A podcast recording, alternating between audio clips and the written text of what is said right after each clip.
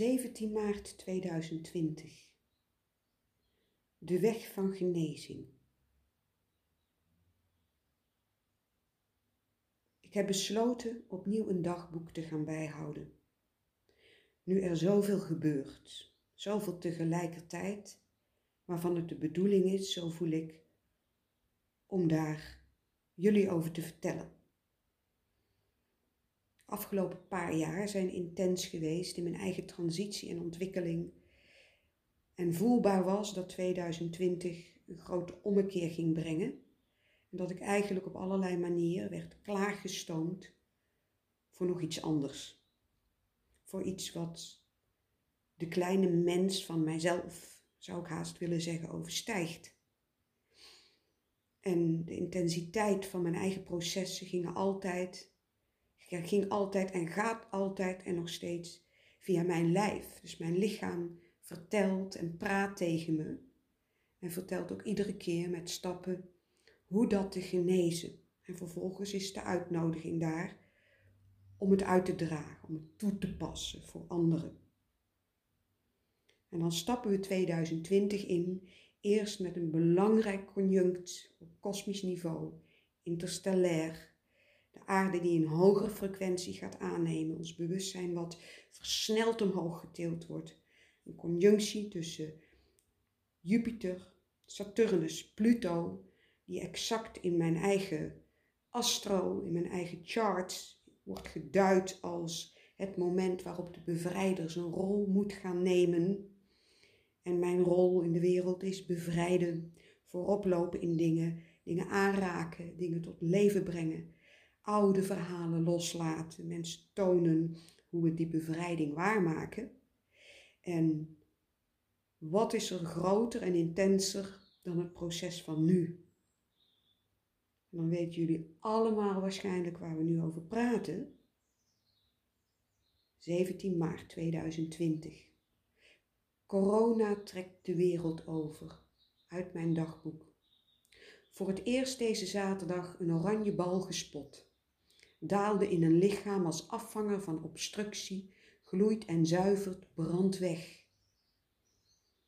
Deze ochtend voor het eerst de yoga-oefening Dans van de Nacht gedaan, gekregen van Margarita, die me regelmatig ondersteunt en goede sideviews geeft. Ik heb al maanden een statige energie in mijn lijf, die voelt als een strakke, stalige band die mijn spieren inwerkt. Een energie die ik eigenlijk niet ken van mezelf. En die tot op mijn bot trekt. En vaker op mediteren krijg ik, je draagt de kou van de ijstijden met je mee. De kou van het mensdom. En mijn linkerarm ging trekken en mijn nek ging trekken. Ik kreeg het niet goed weg. En alles gaat altijd hand in hand met wat er gebeurt en wat de bedoeling is. En zo ging ik aan de slag met dit thema, ook met hulp van Margarita. Wat zit er in die arm? Wat gebeurt daar? Vervolgens krijg ik eigenlijk altijd zelf de informatie, zoals steeds. De pijn schoof van mijn linkerarm naar links in mijn nek. En ik ging erop voelen en binnenkwam deze ochtend de pijn uit oertijden. Vandaag hoor ik deze ochtend hoor ik in mijn linkerschouder zit de pijn van de wereld.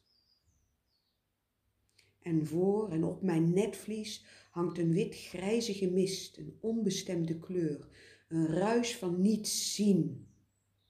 Het schermt mijn zicht af. Het heeft alles te maken met deze fase in het mensdom.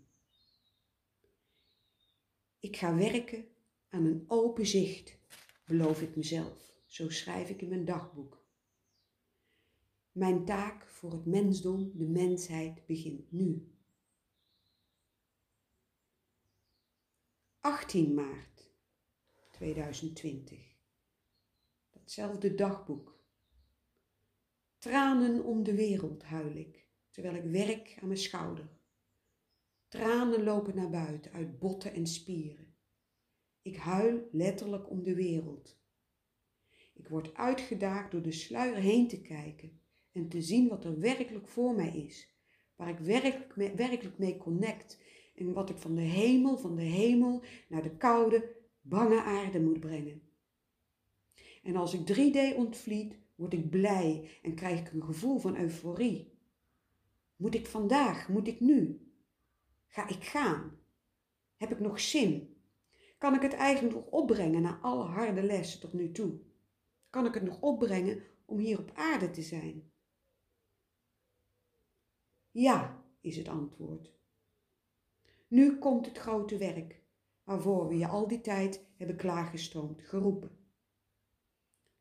Gegeven een liefde, gegeven zonder druk, zonder restricties. Iemand zei me jaren geleden, jij bent de eerste levensadem. Die iemand is Isaac. Isaac in mij, ik in Isaac. Het werd me verteld via iemand die heel krachtig was in het lezen van gidsen. Voor mij voelde dat toen als niet iets buiten me, maar iets in me. En die energie die is jaren en jaren versterkt.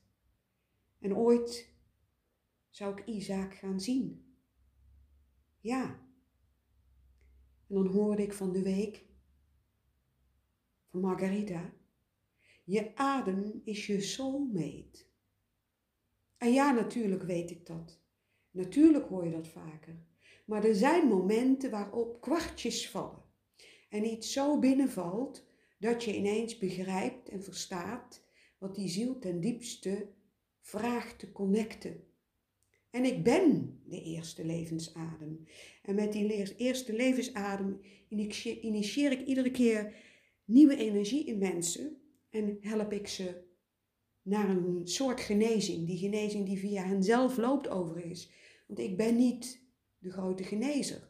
Wij zijn zelf onze eigen grote genezers. Dat is de roep van nu.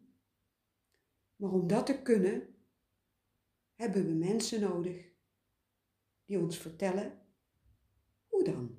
Waar naartoe dan? Waar vind ik dit? Iemand zei me, adem, adem, adem in, adem uit. Velen wordt nu de adem ontnomen, schrijft weer mijn dagboek. Maar mij is ze gegeven om de poort te openen